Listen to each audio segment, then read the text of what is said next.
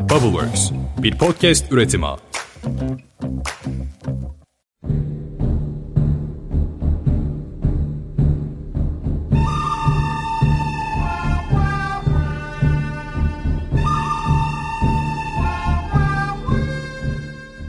Merhabalar, Podcast Boşitler'in iyi, kötü ve çirkin yanlarıyla remote working'i anlattığımız özel dosyamızın ikinci bölümüne hoş geldiniz. Ben Seha. Ben de Atakan.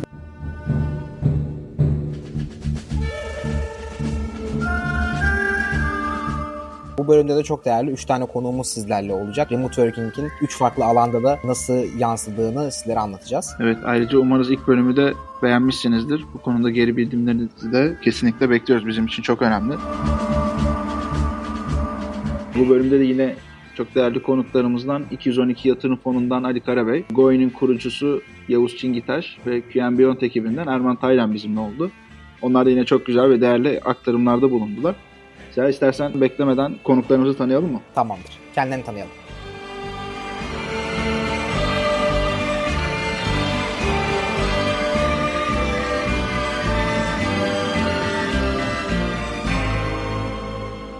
Ben Ali Karabey, 2012'nin başında kuran 30 milyon dolarla, ikinci fonunu 2018'in sonunda kuran, bugün itibariyle 40 milyon euro gibi bir büyüklüğe ulaştıran bir 212 girişim sermaye, pardon erken aşama girişim sermayesi Venture Capital fonunun ortaklarından biriyim.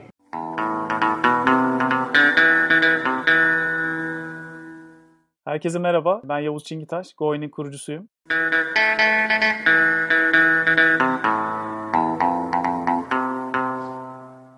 Ben QNB Finans Bank'ta çalışıyorum. Finans Bank'ın inovasyon laboratuvarı diyeyim adına isterseniz. QNBeyond. QNBeyond'da çalışıyorum. Orada da hızlandırma programından ve girişim işbirliklerinden sorumluyum. QNBeyond'da sadece şey yok bu arada. E, hızlandırma programı yok. Belki dışarıdan bakınca öyle algılanıyor olabilir.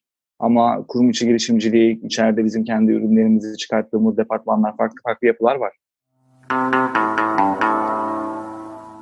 Evet, konuklarımızı tanıdığımıza göre yavaştan sorularımıza doğru geçiş yapalım. İlk sorumuz bu remote'a geçiş sürecine ne zaman karar verdikleri ve ne kadar sürede geçişi yapıp ne zaman nasıl adapte olduklarını sorduk. Konuklarımızdan cevapları dinliyoruz.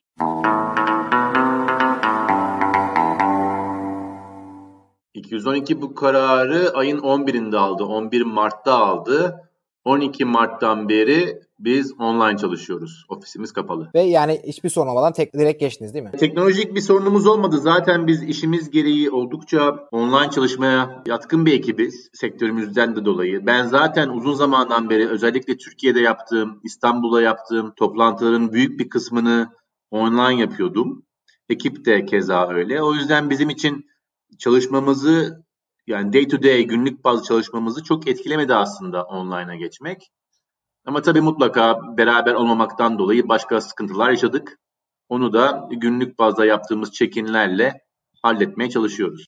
Normalde bir şey diye bir sorumuz vardı da bu adapte olma süreniz e, ne kadar sürdü, nasıl geçti diye ama sizde zaten bu konuyla ilgili çok bir sıkıntı yaşanmadı gibi şey yapıyor, duruyor. E, tabii ki bir sıkıntı var. Ya, bilmiyorum detaya girmek ister misiniz de yani sonuçta e, biz yani ilk günden beri her sabah sabah 9.30'da toplantı yapıyoruz. Her gün daily check-in'imiz var. Bu iyi oldu çünkü en azından her gün açmamız gereken online'da da olsa bir ofisimiz var. Bütün gün online'ız bütün ekip olarak. Hı hı. O yüzden e, fonksiyonumuz aslında azalmadı. Ama diğer taraflarda tabii birbirini görmediğin için başka sıkıntılar oluşabiliyor diye düşünüyorum diğer yandan.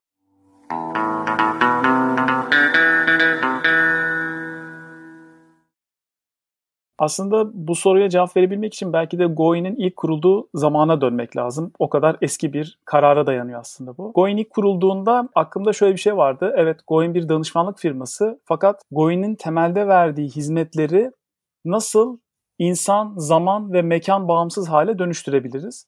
Bu sorunun cevabını bulmaya çalıştık aslında yıllarca. Ve Goin'i kurulduğunda bu koyulan vizyon doğrultusunda da yıllar içinde hep çalışmalar yaptık. Bunlardan bir tanesi de girişimciye dönüştü örneğin e, girişimciye dönüş online bir şekilde videolarla ve araçlarla bireylerin ya da kurum içinde çalışan kişilerin design thinking ve lean startup gibi metotlarla fikirlerini sıfırdan başlayıp, problemden başlayıp yatırımcı sunumu dediğimiz aşamaya kadar götürmesini sağlayan bir online çalıştay. Biz özellikle online çalıştay diyoruz. Online eğitim de değil. Çünkü online çalıştay demek biraz daha sadece videoları izlediğimiz ve sonunda hiçbir şey olmayan eğitimlerdense sonunda bir çıktı barındıran bir online çalıştay. O yüzden de bu remote çalışma, uzaktan çalışma, dijital olarak bir şeyler yapabilme becerisini aslında Goin ilk kurduğumuz andan itibaren düşünmeye başlamıştık. Ve ilk meyvesi girişimciye dönüş oldu. Fakat şimdilerde remote durumu var biliyorsunuz. Herkes uzaktan çalışmaya çalışıyor, uzaktan hizmet vermeye çalışıyor. Bizim için buna geçiş de bu vizyon sebebiyle de kolay oldu. Çünkü halihazırda zaten kullandığımız araçlar vardı birçok. Onları daha yoğun ve müşterilerimize de kullandırmaya başlayarak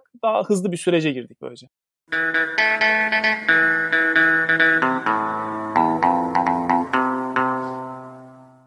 Türkiye'de ilk vaka yanlış hatırlamıyorsam 11 Mart görülmesi. Biz aslında Mart'ın başında hatta belki Şubat'ın sonundan itibaren bir alert duruma geçmiştik ve hem bizim kendi QM ekibinin hem içeride şu an 11 tane girişim var bizim ikinci batch'te. Hem girişimlerin aslında en ufak bir yurt dışı teması olduğunda hemen onları 14 gün izolasyona alıyorduk mesela. Biz buna bayağı önce başlamıştık. Sonrasında Mart'ın zannediyorum 3 Mart haftası yani Mart'ın ilk haftası biz ofisi de kapattık. Etkinlikler vardı.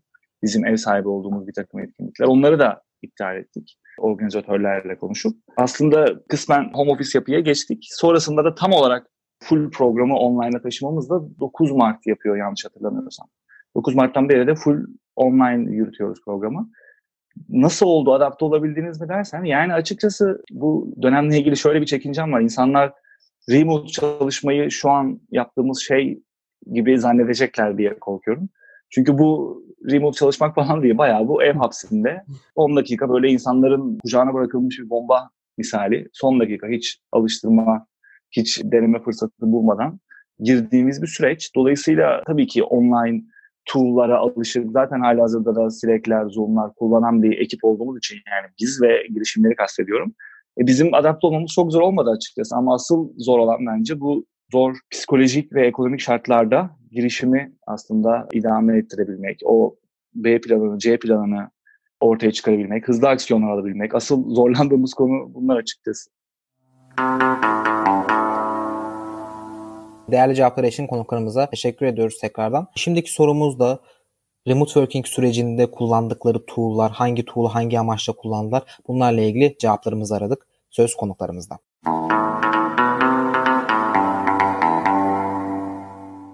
Bu süreç zarfında teknoloji daha da ön plana çıktı çalışmamızı koordine etmemiz için.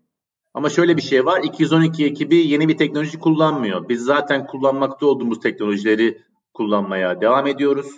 Hı hı. Slack hepimizin hayatında Zoom derseniz keza online konferans yapmamız için zaten günlük bazda kullandığımız ve hala kullanıyor olduğumuz bir teknoloji. Koda'yı kullanıyoruz. Aynı zamanda task management tarafında. Bunlar belli başlı bizim teknolojilerimiz. En önemlisi Slack ve Zoom'dur bugün itibariyle.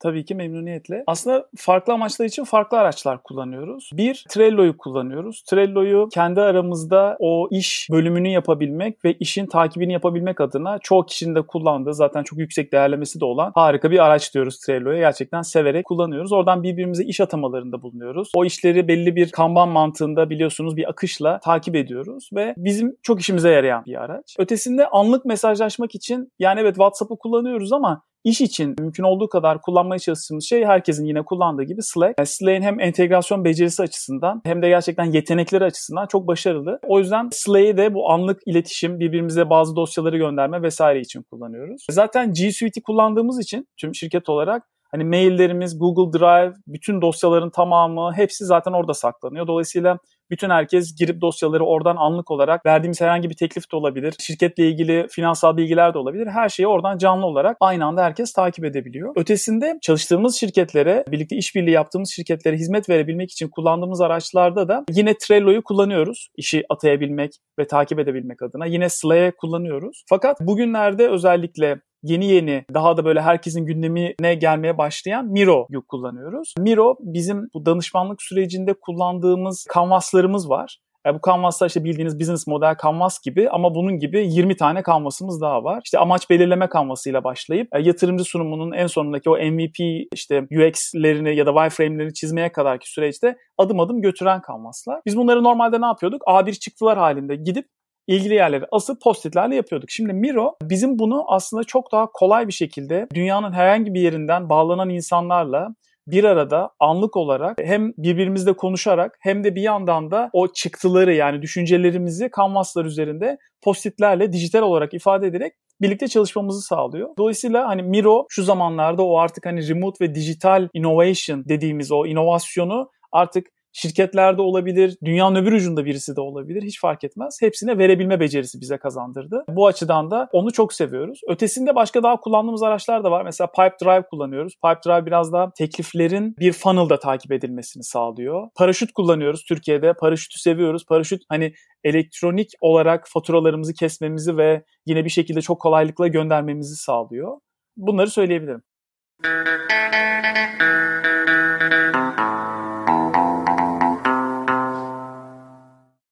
Yani şöyle ben açıkçası çok tool şeyi bir insan da değilim yani tool fanatiği. Önemli olan aslında hangi tool'u kullandığın değil ne yaptığın. Yani belki sadece Google Drive'la bile e, veya sadece Google'ın suite'iyle bile işte Google Meet'i de içine katıyorum. Aslında her şeyi yapabilirsin. Yani ne kullandığın değil de aslında nasıl kullandığın önemli.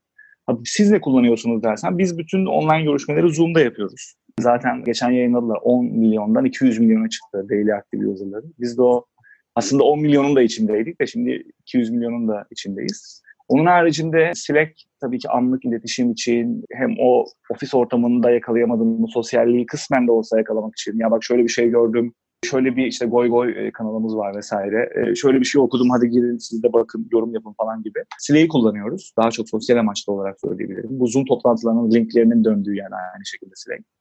Onun haricinde Google'ın Drive'ını ve G Suite'i kullanıyoruz ciddi şekilde. Bir de biz kendi ekip içinde Trello'yu kullanıyoruz. Ama tabii ki WhatsApp'ta kullanılıyor mu? Tabii ki kullanılıyor. Yani belki de en aktif kullananlardan bir tanesi de WhatsApp yani. Bazı sohbet görüşmelerini WhatsApp video call'da bile yapabiliyoruz. Bir ekran bir şey göstermene gerek olmadığı sürece. Yani söylediğim gibi tool değil aslında önemli olan. Neyi ne zaman nasıl kullanıyorsun? Bu daha kritik bence. Konuklarımızdan güzel yorumlar aldık. Şimdi bir diğer bizim çok ilgi çekici olduğunu düşündüğümüz sorumuz da Ali abi tarafında girişimciler ve yatırımcıları yani 212'nin yatırımcıları arasındaki bu ilişkiyi bu süreçte nasıl yürütüyorlar, kendi ekip dinamiklerini nasıl sürdürüyorlar üstüne oldu. Diğer tarafta da Erman abiye de bu hızlandırıcılar boyutunda girişimlerin ilişkileri, kendi ekipleriyle ilgili olan ilişkileri bu süreçte nasıl yürütülüyor ve bundan sonra bir yıl boyunca bu sürecin sürmüş olduğu bir case'de nasıl aksiyonlar almayı planlıyor olduklarını sorduk gayet de faydalı olduğuna inandığımız cevaplar aldık. Dinliyoruz.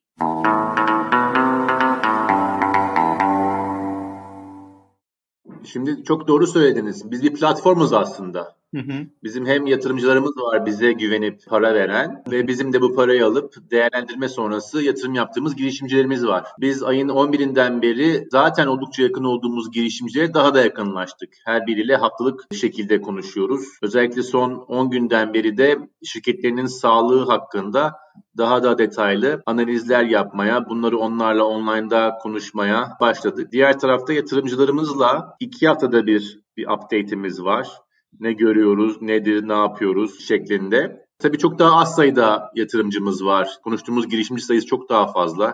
Bizim hala bize başvuran girişimci sayımız haftalık 15-20'lerde ve oldukça fazlasıyla da online'da da olsa temasta kalmaya çalışıyoruz. Bu işin bu şekilde bir yıl gittiği senaryoda VC'lerle girişimciler arasındaki ilişki nasıl olur acaba? VC işi çok değişik bir iş baktığınız zaman. Nasıl değişik bir iş? Evet bir finansman modeli VC, Venture Capital ama kişisel temasın iki taraf arasındaki ilişkinin çok önemli olduğu bir yatırım tarzı. Yani siz girişimciyle ve diğer taraftan da yatırımcıyla iyi bir ilişki kurmadan aslında bir sonraki stebe, bir sonraki adıma ilerlemiyorsunuz. Bu süreçte biz hala aktifiz. İki hafta önce yeni bir teklif verdik. Geçen hafta yeni bir yatırım yaptık ve dediğim gibi mümkün olduğu kadar girişimcilerle yakın olmaya çalışıyoruz. Bu nasıl etkileyecektir uzun dönemde ilerlerse yatırım tarafını. Bir kere lokalde yani size yakın olan, tercihen sizi tanıyor olan yatırımcılardan yatırım alma ihtimaliniz çok daha fazla olacak bu süre içerisinde. Yani yabancı bir yatırımcıyla online'da tanışıp, online'da kendinizi anlatıp, online'da due diligence yapıp daha sonra bir yatırım alma ihtimaliniz özellikle çok erken aşamada kolay değil diye düşünüyorum. İleri aşamadaki şirketler zaten bu gibi ilişkileri kurmuş oldukları için daha önceden yani yüz yüze bir ilişki kurmuş olduklarını varsaydığım için birçok yatırımcıyla bu süreçten bir tık daha az darbe alacaklardır. Bununla beraber geçmiş krizlere baktığımızda yani en son 2008-2009 finansal krize baktığımızda çok değişik bir istatistik görüyoruz. Nedir o? Bakarsanız işte tabii bu istatistik Amerikan pazarına ait. Maalesef bizde bu, bu yok. Çok erken aşama şirketler yatırım almaya devam etmişler. Çok fazla yavaşlamadan. Çünkü özellikle angel, VC, PE yatırımcısı yani günlük bazda yeni şirkete bakan insanlar bu gibi ortamlarda doğan, bu gibi ortamlarda hayatta kalan şirketlerin bu ortam değiştikten, dünya tekrar belli bir düzene girdikten sonra daha güçlü olarak çıktığını fark etmişler ve 2008-2009 krizinde oldukça fazla erken aşama seed yani tohum aşaması diyebileceğimiz yatırım yapılmış. Ama her halükarda ben bu yatırımın lokalde yani sizin bulunduğunuz şehirde veya ülkede olan yatırımcıdan geleceğini düşünüyorum.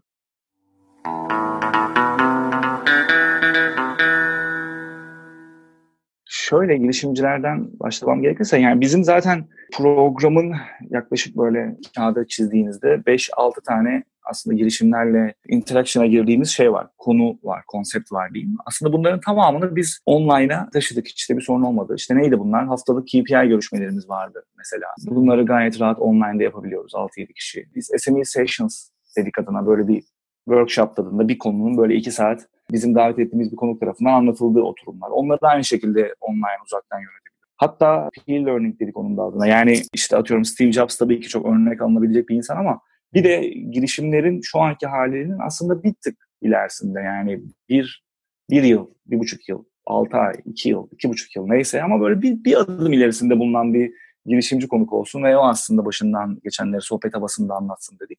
Böyle bir e, formatımız da var. Bunu mesela online'a taşımakta açıkçası şeydim biraz e, korkuyordum ama bu da gayet güzel işleri online'da. Girişimcilerin kendi arasında aslında ya benim şöyle bir problemim var sen ne dersin bak ben şöyle bir şey yaşamıştım sen nasıl yorumluyorsun tadında sohbet ettiği bir e, format var. Bunun da biz aslında başlatanı olmasak bile, organizatör olmasak bile bunun da kendi içinde doğal bir şekilde geliştiğini gördük. Bu da süper. Bunu da daha büyüterek yapacağız.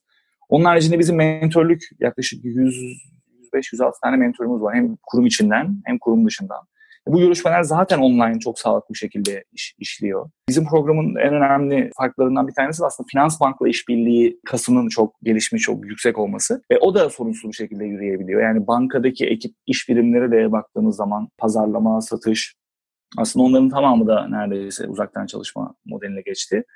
Ve bir şekilde kendi işlerini yapabildikleri gibi aslında girişim işbirliklerini de uzaktan online yönetebiliyoruz. O noktada da bir sorunumuz yok. Hatta bizim her girişim programın başında bir C-level yöneticiyle eşleşiyor. Bir koçluk gibi düşünebilirsiniz. Onunla haftada bir, iki haftada bir bir araya geliyor. Mesela bunu da online'a taşıdık. Burada da bir sorunumuz yok. Yani aslında baktığınız zaman madde madde, düşündüğüm zaman hani yapabiliyor olduğumuz ama online'da yapamadığımız hiçbir şey yok diyebilirim. Ama tabii ki yani asıl sorun o sosyal temasın azalması, o motivasyonu. Çünkü bir de böyle bir coworking space tadında bir yerler oluyor genellikle hızlandırma programı. Oraya gelenler, gidenler, o hava o tabii ki bambaşka. Onu sağlayamamak biraz negatif bir etki e, kabul etmek gerekirse.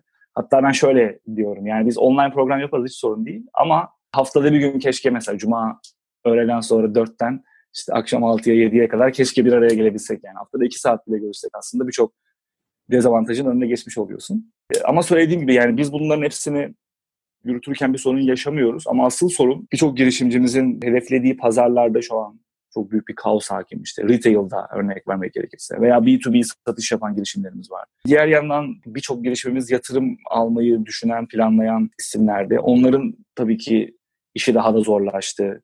Yani herkesin bu psikolojik ve ekonomik belirsizlik ortamını yönetmesi gerekiyor bir yandan. Bizim program normalde 4 aydı.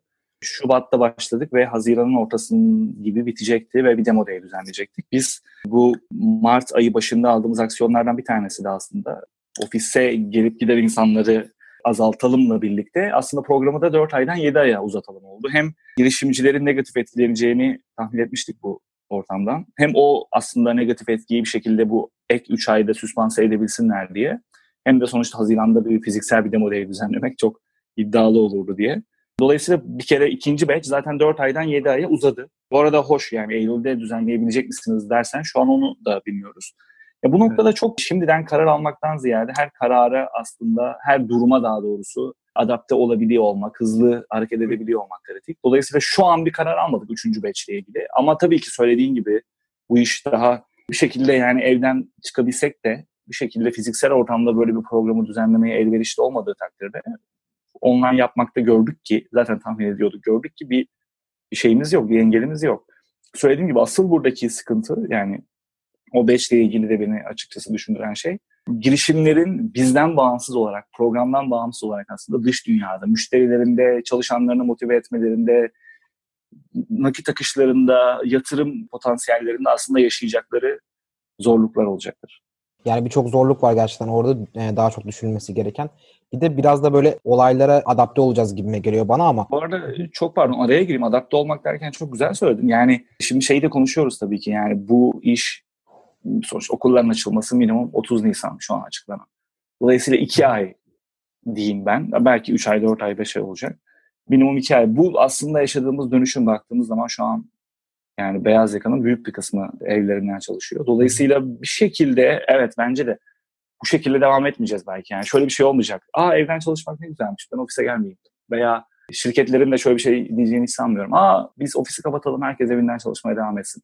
Böyle bir şey olmayacak belki ama yine de hibrit, hibrit bir yapı olacak. Yani örnek veriyorum biz işte 6 ay bir sene sonra sizle konuşurken ya bir oturalım sohbet edelim ne zamandır görüşmüyoruz dediğimiz zaman orada benim aklıma hemen şey gelecek. Ya Zoom mu yapsak? Zoom'dan mı konuşsak mesela? Dolayısıyla şimdi bizim programda da onu da sohbetini yapıyoruz. Bizim programda da belki bir takım hibritleşme namına bir takım değişmeler olacak. Yani belki üçüncü, dördüncü, beşte anlatabiliyorum değil mi? Biz normalde farklı bir şekilde yaptığımız şeyi buradaki öğrenimlerimizle, deneyimlerimizle biraz daha online'a, biraz daha remote'a belki taşıyacağız yani.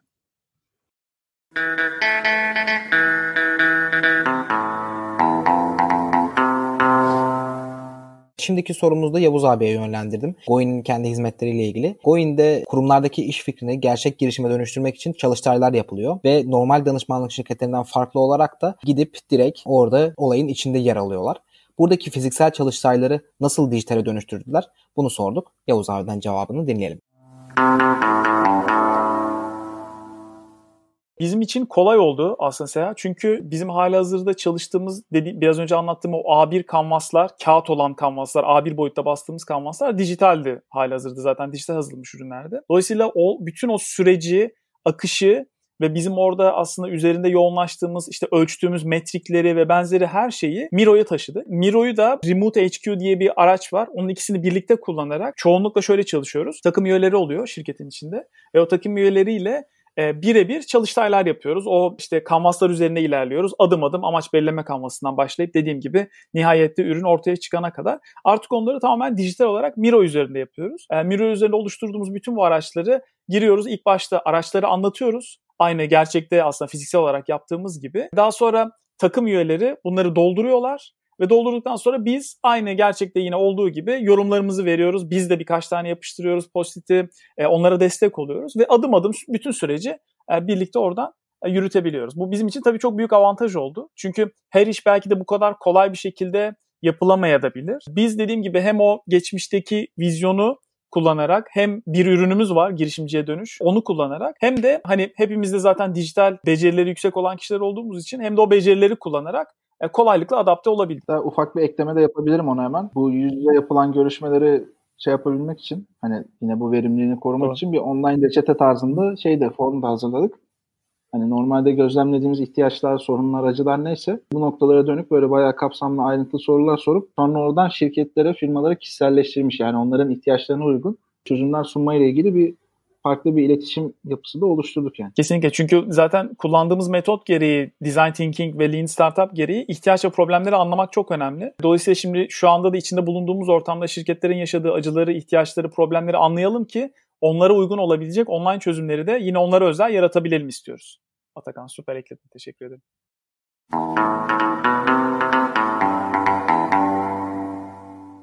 Evet teşekkür ederim Yavuz abi. Şimdi bir diğer sorumuz da Ali Karabey'e geldi. Kendilerinde B2B SaaS girişimleri üstüne yapmış oldukları yatırımlar var. Dolayısıyla bu konuda ve genel sektörle ilgili tecrübe ve bilgi düzeyleri yüksek. Kendisine B2B SaaS girişimlerinin bu süreçten olumlu ve olumsuz etkilendi, nasıl etkilendi, bundan sonrasında bugünkü durum nedir, bundan sonrasında neler olacak üstüne bir soru sorduk. Şimdi cevapları dinliyoruz.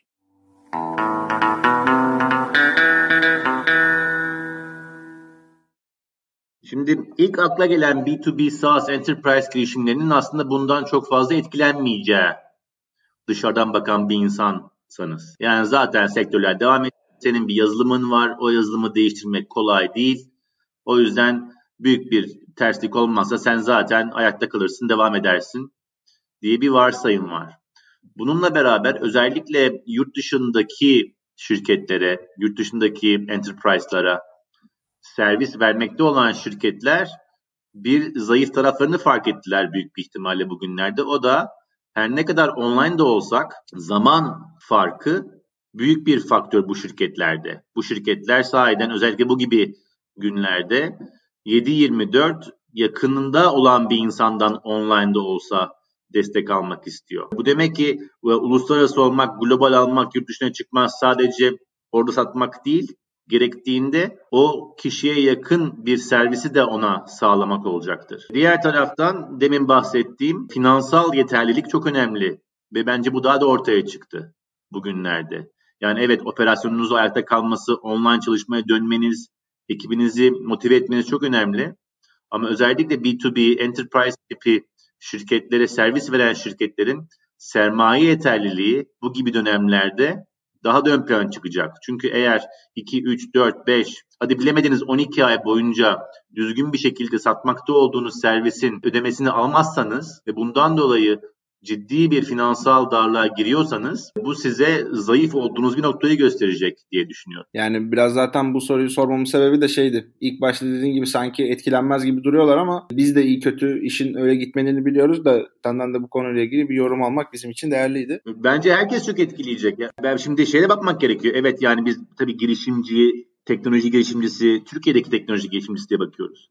Ama düşünmemiz gereken bir de bunun ekonomik boyutu var aslında bu kriz. Bilmiyorum ona girmek ister misiniz? Valla e, bu konuda yorumların varsa mutlaka almak isteriz. Ya beni doğrusu şimdi oldukça büyük bir sağlık probleminden geçiyor dünya. Günlük bazda işte insanların e, ne kadarının entübe olduğu, ne kadarının vefat ettiğini konuşuyoruz ve bu çok acı. Evet. Maalesef. Bunun yanında çok daha büyük ve bence daha da büyük kitlelerin zarar görmesine sebep olacak bir tane daha kriz bizi bekliyordu. Ekonomik kriz. Ve şu anda içinde olduğumuz ekonomik kriz bizim en azından benim 2008'de 99'da yaşadığım krizlere benzemiyor. İçinde bulunduğumuz kriz aslında arzı da etkileyen yani hem talep sadece talebi değil hem arzı hem talebi etkileyen, üretimi etkileyen yani ve aynı zamanda da globalde olan bir kriz. Sadece Türkiye spesifiğine bakarsak Türkiye'de yaklaşık işte 30 milyon insan çalışıyorsa bunun ciddi bir kısmı en azından %50'si 60'ı servis sektöründe. Bu servis sektörünün çok ciddi bir kısmı en azından yarısı kobi. Ve bu kobilerin zaten biliyoruz çoğunun sermaye yeterliliği yok. Bu insanların 2 ila 3 ay 4 ay dükkanı kapatıp daha sonra geri gelme bir ihtimali çok düşük sağlıklı bir şekilde. O yüzden bizlerin de bunu her zaman düşünmesi gerekiyor. Evet sağlık bugün her zaman ön, planda ama geri döndüğümüzde dünyaya eğer öyle bir dünya olacaksa yani korona sonrası içinde bulunacağımız ekonomik zorluk özellikle küçük esnafın düştüğü darlık bence en az korona kadar hayatı etkileyecek diye düşünüyorum. Yani sanki işin şöyle bir ilişkisi varmış gibime geliyor. Bu sağlık şartlarından dolayı ekonomik durumlar negatif etkileniyor. Ekonomik durumdan işte negatif etkilenince işten çıkarmalar ve direkt kendi e, işinin sahibi olan kişilerin orada bir ekonomik sıkıntıları başlıyor. E, bu işin böyle çok uzadığı bir senaryoda Allah korusun işte hani demin bir, bir yıl case'ini konuştuk ya. E orada ekonomik sıkıntılardan kaynaklı olarak devlet de zayıflayacak olduğu için, bireyler de zayıflayacağı için bu sefer başka sağlıksal sıkıntıların çıkmasının da aslında önü açılmış oluyor. E, tabii ki en önemli şey sağlık dediğiniz gibi. Yani ekonomiyi düzeltirsin ama zaten çok güçlü olmayan bir ekonomiyle bu krize girdiğimiz için ve şirketler bazında çoğu şirketin sermaye yeterliliği zaten yok. Çoğu şirket özellikle offline'da, kobi, esnaf tarzındaki şirketler zaten aylık dönüyorlar. şansları varsa. Bunların 2-3 ay kapatıp daha sonra tekrardan bir şey olmamış gibi hayata devam etmesi o kadar kolay olmayacak.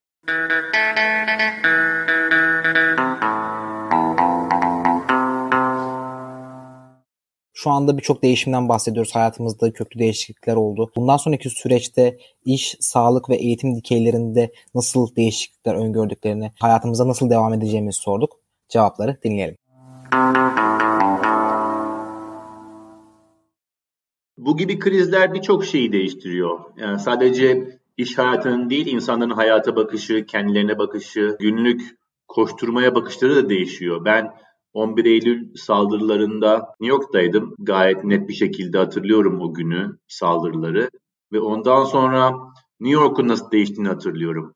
Nasıl birçok insanın kariyerin değiştirdiğini, şehirden gittiğini, ülkeden gittiğini hatırlıyorum. O yüzden bu kriz de eminim mutlaka farklı izler bırakacaktır. Bunlardan akla gelen birkaçı tabii ki birçok insan ve şirket şirket ortamında sağladıkları iş düzenini online'da da becerdiklerini gördüler diye düşünüyorum veya görecekler. Demek ki bunu mutlaka virüs sonrası after corona ki iş hayatına bir etkisi olacaktır. Büyük bir ihtimalle belki ekstreme çekersek daha küçük ofisler, daha daha flexible, daha esnek çalışma şekilleri ortaya çıkacaktır diye düşünüyorum. Bu şey daha var.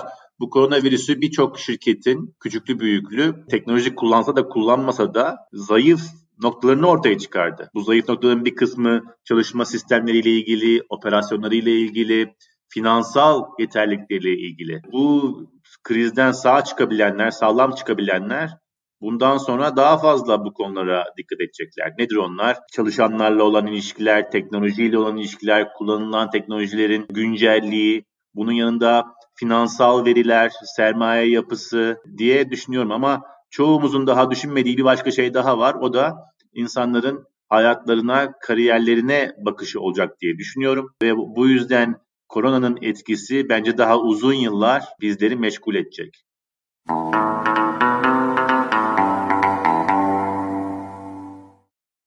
Ya özellikle bu korona virüsünün hayatımızdan çok kolay çıkacağını düşünmüyorum açıkçası. Belki daha alışacağız duruma ama yani bu e, infekte olan insanların sayısı her geçen gün artıyor. Dolayısıyla bu böyle devamda edecek. Bununla yaşamayı öğrenmemiz lazım Atakan senin de söylediğin gibi. Ve burada da çözümler geliştirmek gerekiyor. Biz Goin olarak belki de bu online araçları çok kolay bir şekilde kullandığımız için çok kısa bir sürede adapte olduk. Neredeyse bir hafta içinde falan adapte olduk diye düşünüyorum ben. Ve işte aslında söylemediğimiz Canva diye bir araç daha kullanıyoruz. İşte Intercom'u kullanıyoruz. Typeform'u kullanıyoruz. O kadar çok fazla araç kullanıyoruz. Ama hani sağlık sektörü gibi ya da başka diğer eğitim sektörü gibi şeyler zaten iş kolları diyelim. Buna geçmekte aslında biraz yavaş kalmışlardı bu zamana kadar. Dolayısıyla bundan sonraki süreçte onlar bence tabiri caizse bir tokat yediler koronadan ve o tokatla birlikte artık evet ya yani bizim zaman ve mekan bağımsız bir şekilde bu işi yapabilir hale dönüşmemiz gerekiyor. Dönüşmemiz gerekiyorun tokadını yediler. Bu sebeple de büyük ihtimalle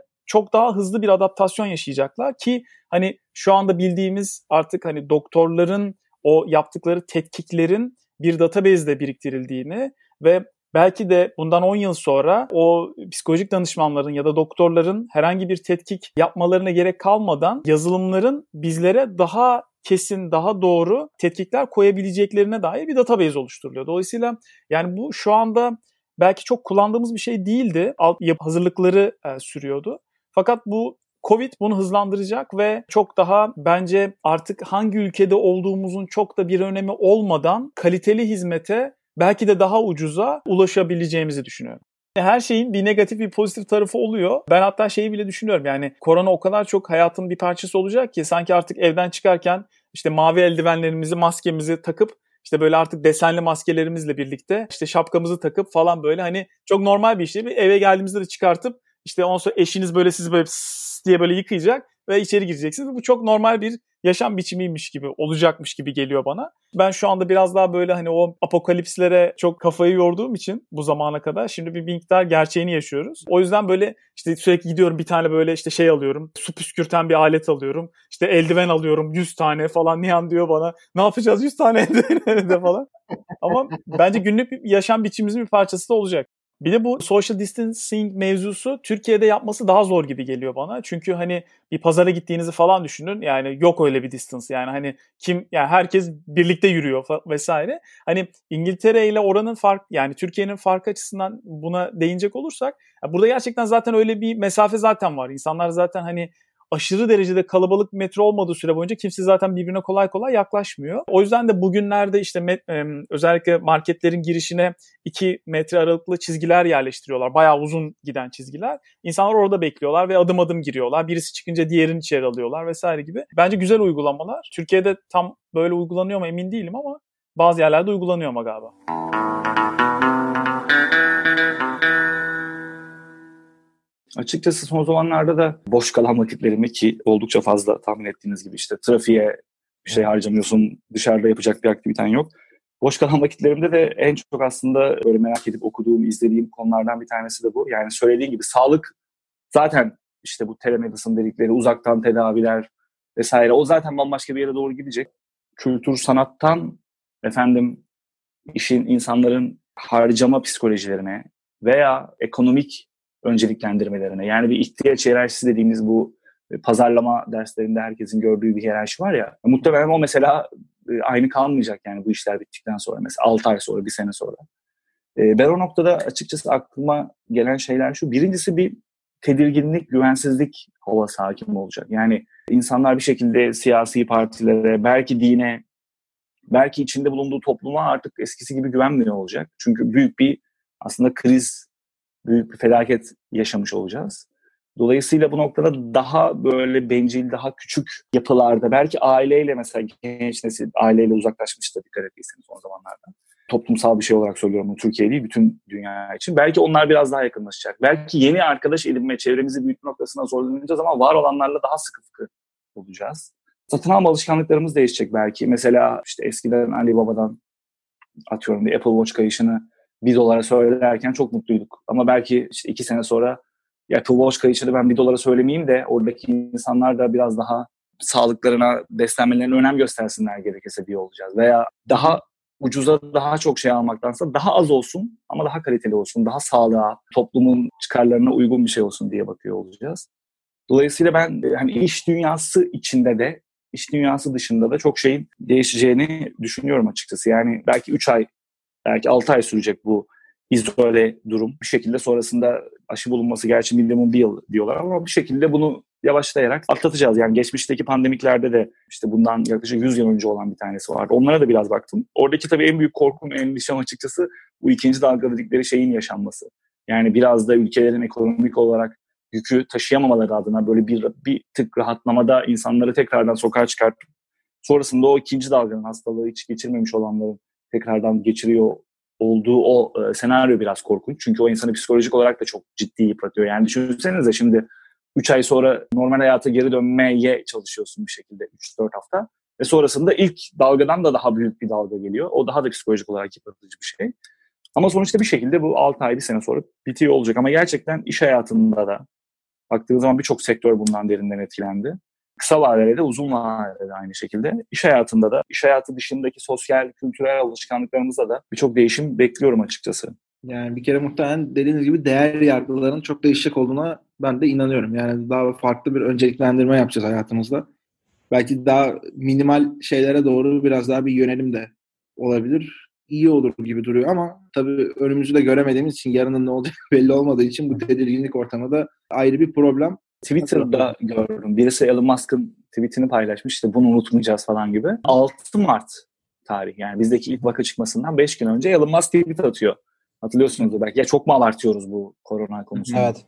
Evet evet Aynen. doğru. Yani şimdi dolayısıyla 6 Mart dediğim bir ay olmadı şu an ayın. Hı hı.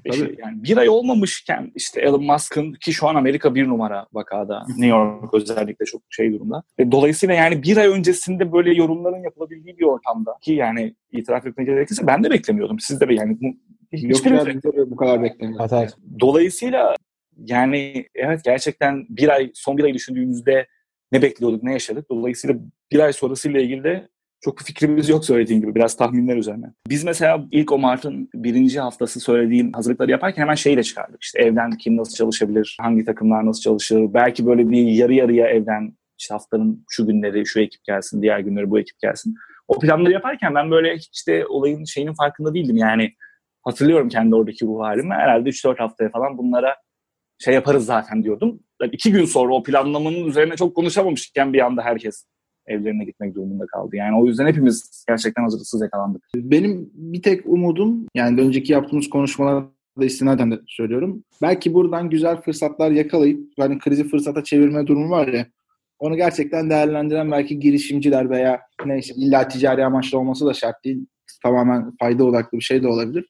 Böyle şeyler çıkacak olduğundan yana bir ümidim var ama bakalım. Onu yani da bize o noktada da açıkçası tabii ki bizim Türkiye'deki startuplar açısından şöyle bir şey var. Avantajlı durum var. Tırnak içinde avantajlı. Şimdi daha önce bu meşhur şimdi internetlere dönen bir görsel var. 2013'ten beri aslında yaşadıklarımız işte Gezi Parkı'ndan başlıyor. Hı. Darbe girişimi, terör olayları, doların bir günde iki katına çıkması falan. Ki ben o gün bir finans kurumunda çalışıyordum. İşte tamamen portföy yöneten, e, kredi veren bir kurum. Dolayısıyla hani iş hayatında, ofiste o günün nasıl yaşandığını görmenizi isterdim gerçekten hiç. Dolayısıyla şimdi birçok şeyi biz aslında Türkiye'deki girişimciler olarak tek başımıza yaşıyorduk. Yani hep yurt dışındaki rakiplerimizin gerisinde kalıyorduk ve biz hep kendi dertlerimizle uğraşıyorduk. Yani onlar uzaktan bize bakıp gülüyorlardı belki de. E şimdi yaşadığımız şey global bir kriz ve aslında biraz da yurt dışındaki rakiplerin işte bu bol yatırım alan yani bizde seed aşamasında bir girişimin aldığı bedel, yatırım daha doğrusu işte Avrupa'da bir girişimin 40'ta biri falan kalıyor yani Euro'ya, TL'ye baktığınızda. Dolayısıyla orada inanılmaz keşlerle yaşayan dönen dünya vardı. Şimdi o dünya o şekilde olmayacak. Türkiye'nin hala hazırda içinde bulunduğu duruma yaklaştı bütün dünya. E bu da bizim Türk girişimler için bir avantaj olabilir. Yani zaten daha az parayla rekabet etmeyi, Anlatabiliyorum değil mi? Daha küçük ekiplerle daha kaliteli ürünler çıkarmaya zaten biz alışıktık ve bunu bu şekilde yapmak zorundaydık. Şimdi bütün dünya bu noktaya geldi. O belki bizim için bir avantaj olabilir. Ama yani krizi fırsata dönüştürme noktasında bir takım girişimlerin evet şeyi var. Zaten çok güzel böyle ürün pivotu yapan şeyler de hem Türkiye'den hem yurt dışından ben duymaya başladım. Hani bu kampanyalar, indirimler dışında işte mesela bir meditasyon uygulaması %30 indirimle ürününü satar. Bu değil. Bayağı ürününü pivot eden bu var olan koşullara girişimler de var. Ama birçoğu da gerçekten işte seyahat alanında çalışan özellikle turizm örneğin, retail bunların krizi fırsata dönüştürmek için yapması gereken tek şey aslında bu kriz bitene kadar ayakta kalabiliyor olmak.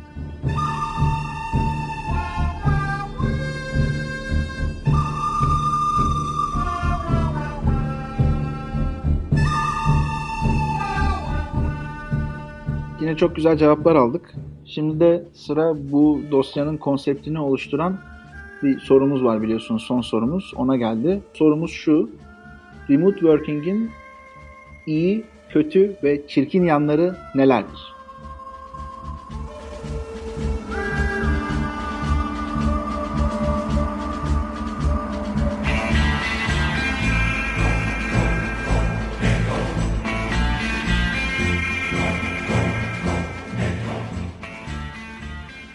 Ben bunun bir fırsat olduğunu düşünüyorum. içinde olduğumuz sürecin. Nasıl bir fırsat? Çok büyük bir sağlık krizi yaşıyoruz. Ve bundan dolayı da herkes evine kapandı. Ve online'dan en azından bizim sektörümüz online'da çalışmaya çalışıyor. Bu içinden geçtiğimiz kriz her şirketin, her grubun, her ailenin sahip olduğu güç, güçlü tarafları ve güçsüz olduğu tarafları ortaya çıkaracak. Bence iyisi bu. Yani biz bir aynaya bakarmış gibi mecburen şirketlerimiz, ailelerimiz, arkadaşlıklarımız hakkında birçok bilmediğimiz iyi ve kötü tarafı göreceğiz. Bu iyi tarafı. Kötü tarafı ne? Benim en çok çektiğim ben özellikle girişimcilere yakın olmayı seven bir insanım. Girişimcilerle temasta olmayı, yüz yüze konuşmayı, onlardan aldığı enerjiyle beslenmeyi seven bir insanım. İşte benim için girişimciyi görmemek, o enerjiyi alamamak oldukça kötü bir süreç. Çünkü depolamış olduğum enerji yavaş yavaş her gün azalıyor. Evet, çünkü biz aslında oldukça romantik insanlarız bakarsanız. Yani biz sahiden çok büyük hayaller peşinden koşan insanlara tutunup o hayalleri kurmaya çalışan hayalperestleriz aslında. O yüzden evet online'da konuşuyoruz ama o başka bir enerji alımı oluyor. Yüz yüze konuşmak, kahve içmek gibi olmuyor girişimci arkadaşlarla. Şirkin tarafı belki de e, umarım olmaz ama ekiplerin temasta olması yani fiziksel temasta olması bence önemli bir faktör. Ve birçok ekip bu süreçten sağlam çıksa bile döndüklerinde asıl sorgulamaya başlayacaklar. Kariyerlerini, çalıştıkları ortamı, hayat tarzlarını, bence asıl şimdi değil dönünce tekrar eski hayattan dönmeye başlayınca sorgulanma olacak. Ve o zaman asıl belki uzun zamandan beri üstü kapanan, görmezden gelen birçok dengesizlik ortaya çıkacak. Bu da umarım çok çirkin bir tabloya sebep olmaz. Yani bu süreç bittiği zaman insanlar şirketlerine döndüğünde e, şeyi mi sorgulayacaklar? Ya bir sürü işi evden yapabiliyorduk. Belki öğretmenler ve öğrenciler için de olabilir bu durum.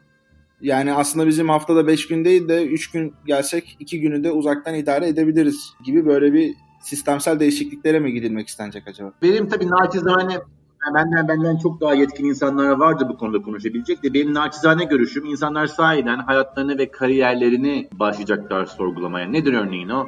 Ben sahiden her gün bir saat geliş bir saat geliş servise binmek istiyor muyum? Ben sahiden işte bu ortamda oturup e, hayatımın ciddi bir kısmını çocuklarımdan uzakta geçirmek istiyor muyum? Bu kariyer beni mutlu ediyor mu? Bak işte bugün varız yarın yokuz bunu şimdi gördük bu tekrardan olabilir. Ben hayatımın son günlerini burada geçirmek istiyor muyum? Gibi gibi daha egzistansiyel sorular ortaya çıkacak diye düşünüyorum. Çünkü aslında insanın çok güzel bir kabiliyeti var. Nedir o kabiliyet? Alışmak. Biz aslında koronaya şu anda alışır gibiyiz değil mi? Eve geldik, Zoom'u açtık, bilmiyorsak öğrendik. Bir şekilde hayat tekrar devam ediyor. Ama tekrardan eski hayatımıza geri döndüğümüz zaman şoke olacağız diye düşünüyorum ben. Tekrardan mağaradan çıkıp şehre indiğimizde, tekrardan trafikte olduğumuzda, tekrardan kuyrukta olduğumuzda, işte belki çok mutlu olmadığımız bir şirket ortamına geri geldiğimizde bence sorgulamalar başlayacak. Onu merakla bekliyorum ne olacağını.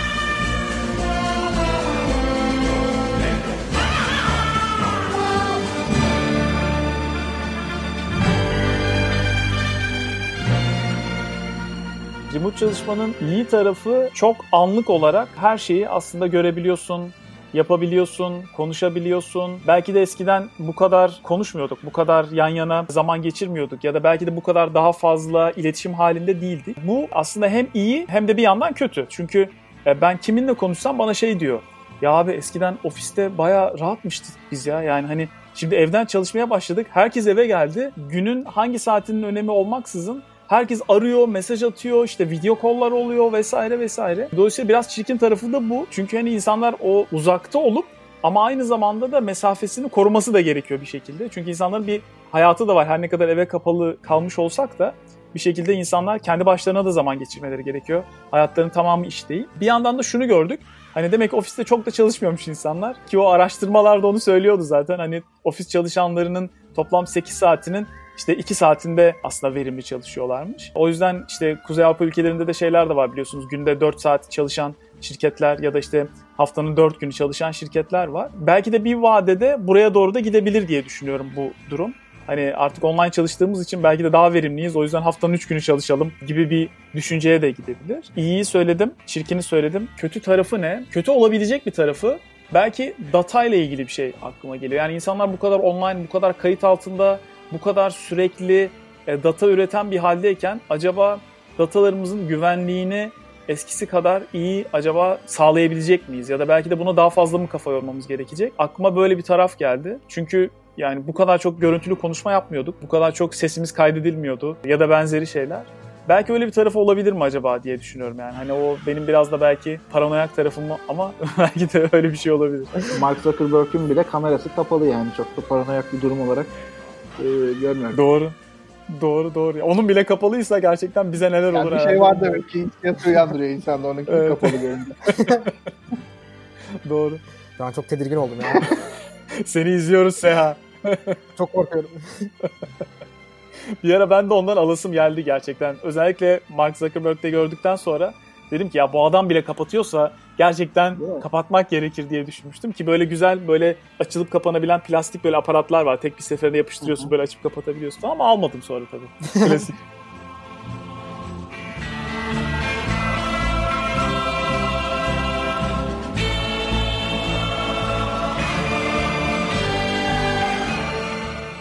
Güzel soru. Valla iyi dediğinde aklıma gelen ilk şey çok da açıkçası hani işlev arası mesafe olan bir insan değildim ama yani çok yol gidip gelmiyordum ama yine de trafik yaşamıyor olmak, işte taksi bulmak, metroya binmek neyse artık.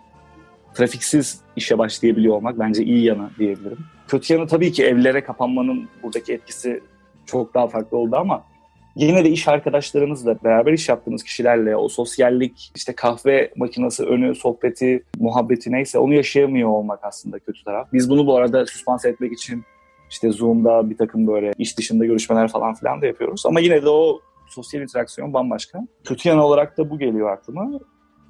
Çirkin yanı, yani çirkin denilecek kadar bir şey yok bence ya uzaktan çalışmanın. Belki söylediğim gibi çirkin yanı şu olabilir yani biz şu an remote çalışmıyoruz böyle ev hapsinde çalışıyoruz ya belki çirkin yanı bu olabilir yani. Çünkü benim Evet. remote çalışan çok çok çok arkadaşım var yani 5 yıldır remote çalışan işte Hollanda'dan Amerikalı bir şirkette mesela arkadaşlarım var. Onların hayatından hep sohbet ediyorduk konuşuyorduk. Onların yaşayışıyla şu an bizim yaşayışımız kesinlikle aynı değil yani. Onların evlerinde bir düzenleri vardı. Bir kısmı bir coworking space'e gidip çalışıyordu. Öğlen çıkıp yemeklerini dışarıda yiyorlardı. Kahvesini gidip dışarıda içiyordu. Sonrasında evdeki çalışma odasına bir hazırlık sürecinden geçip özel olarak dizayn ettiği çalışma odasına geri dönüyordu.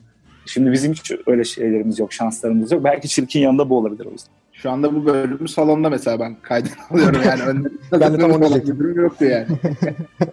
Getir dışında bu süreçten verdiğim tek sipariş, online sipariş Ikea'dan koltuk oldu açıkçası. Çünkü bak yani üç günün sonunda anladım ki bu koltukla bu süre geçmez.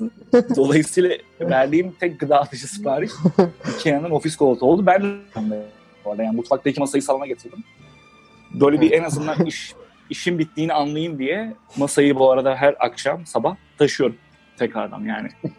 Sırf şey olmasın diye, o orada kalmasın diye. Kesinlikle bilgisayarı kapatıyorum belki mesela bizi dinleyenlere kendi nacizane şeylerimi sayabilirim. Kendi rutinlerimi diyeyim sayabilirim. Kesinlikle bilgisayarı altıdan sonra kapatıyorum ve bayağı kaldırıyorum bir yere bir daha açmamak üzerine. Yani belki evet akşamda e, kucağında bilgisayarla bir şeyler yapabilirsin ama yine de onu mesela iPad'le yapmayı tercih ediyorum. O iş bilgisayarı yani işi işte bırakma, işi eve getirmeme tadında bir daha açılmıyor bende altıdan sonra. Kesinlikle duş alıyorum ve üstümü değiştiriyorum işe başlamadan önce. Terlik giyiyorum. Belki çok küçük saçma bir detay gibi gelecek ama bence o da etkiliyor terlik giymek. Yani ayakkabı giyen arkadaşlarım da var bu arada konuştuğumda. Öğrendiğim. Takım elbise giyenler var ya. Psikolojiye girmek için. Ya da Takım normal elbisem yok açıkçası ya. Şimdi nasıl bankada çalışıyorsun diyeceksin de. Hiç yok yani. yani. İstesem de giyemem. Ama bir online bir şey olmuştu. YouTube'da online bir canlı yayın.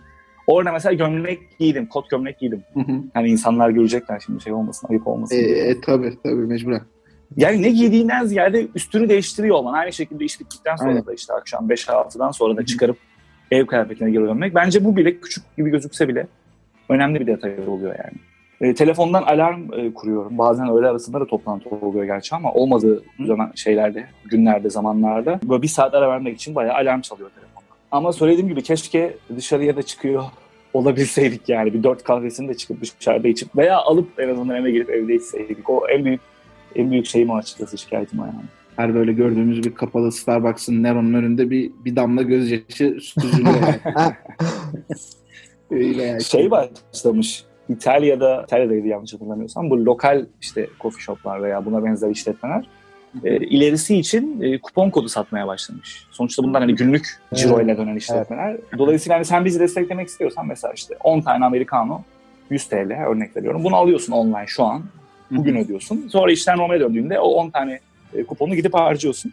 Bence bu tarz böyle şeyler de gerekiyor. Mesela berberlerin aynı şekilde zor durumda Kesinlikle. olabileceği aklıma geliyor. Onlar da çok günlük yaşayan bir kesim. Bakalım inşallah hızlıca toparlarız. yani dışarıya çıkabilir hale geliriz. Hiçbir şey eskisi gibi olmayacak belki ama yani o eski sarılmalar, eski sağlığı çok önemsemeden işte ucuza giydiklerimiz, yediklerimiz, kullandıklarımız belki her şey değişecek.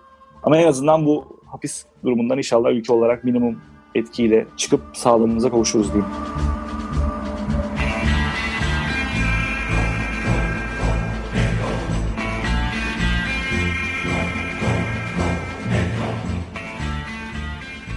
Podcast Boşler'in iyi, kötü ve çirkin yanlarıyla remote working'i ele aldığı özel dosyasının ikinci bölümünü dinlediniz. Bizi dinlediğiniz için çok teşekkür ederiz. Konuklarımıza da ayrıca teşekkür etmek istiyorum. Üçüncü bölüm için de şu anda çalışmalarımız devam ediyor. En kısa sürede üçüncü bölümü de yayınlamış olacağız. Evet bu arada kapatmadan önce geçen sefer de yaptığımız gibi bu sefer de bir Ali abinin hayatla ilgili güzel tavsiyelerini de içeren bizim de son dakikada yaptığımız bir 2-3 dakikalık bir muhabbet olmuştu. Onu da ekleyerek programımızı bitirmek istiyoruz. Sosyal medya hesaplarımızdan ve Apple Podcast'tan bizi takip edip geri dönüşlerinizi paylaşabilirseniz ayrıca çok seviniriz. Herkese teşekkür ederiz. Kendinize çok iyi bakın. Umarız keyifli bir dinleme olmuştur. Şimdi söz sevgili Ali abide.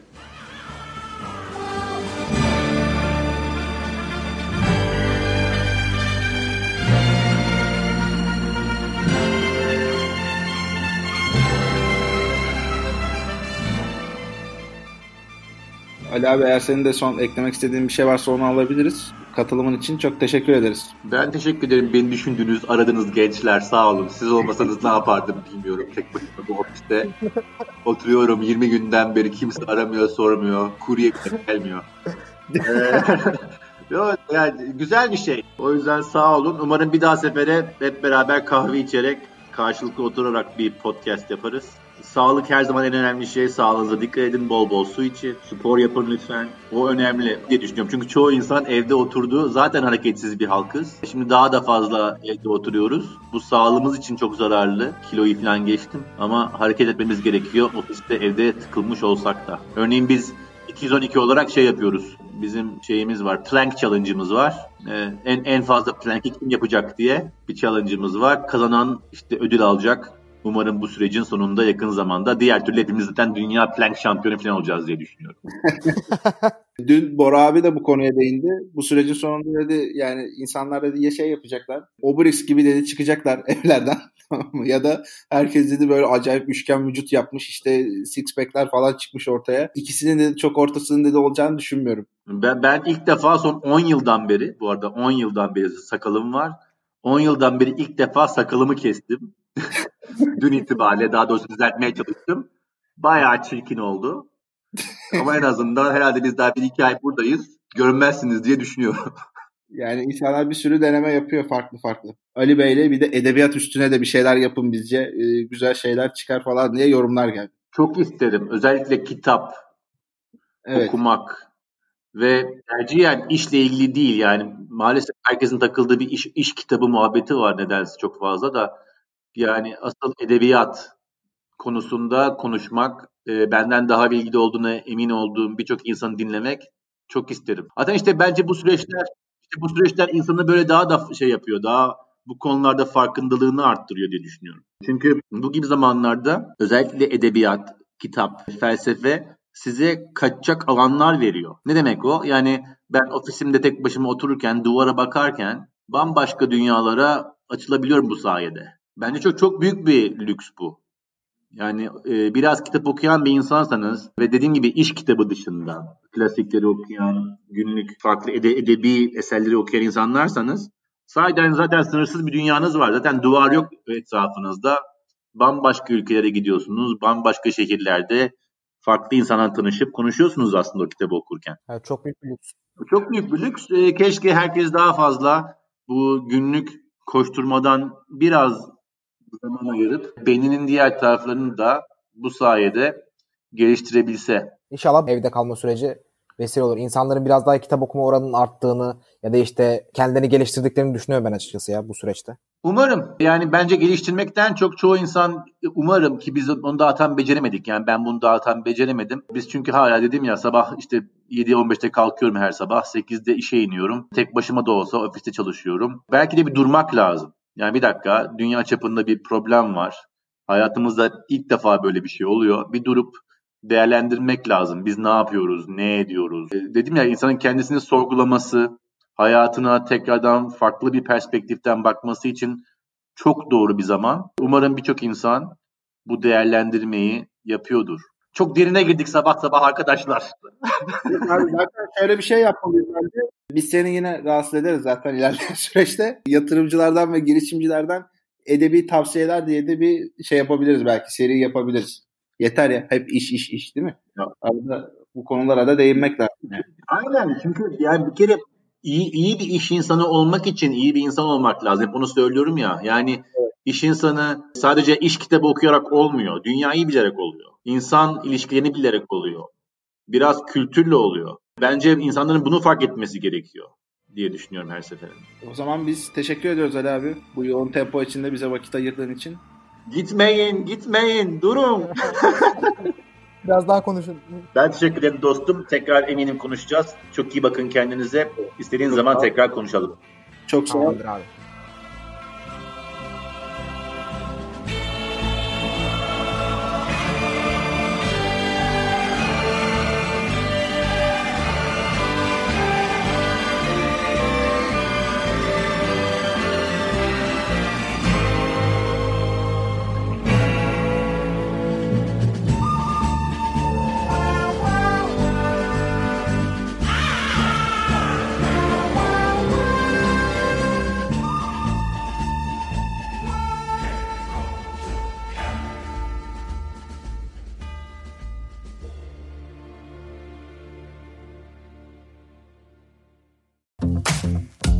Bubbleworks, bir podcast üretimi.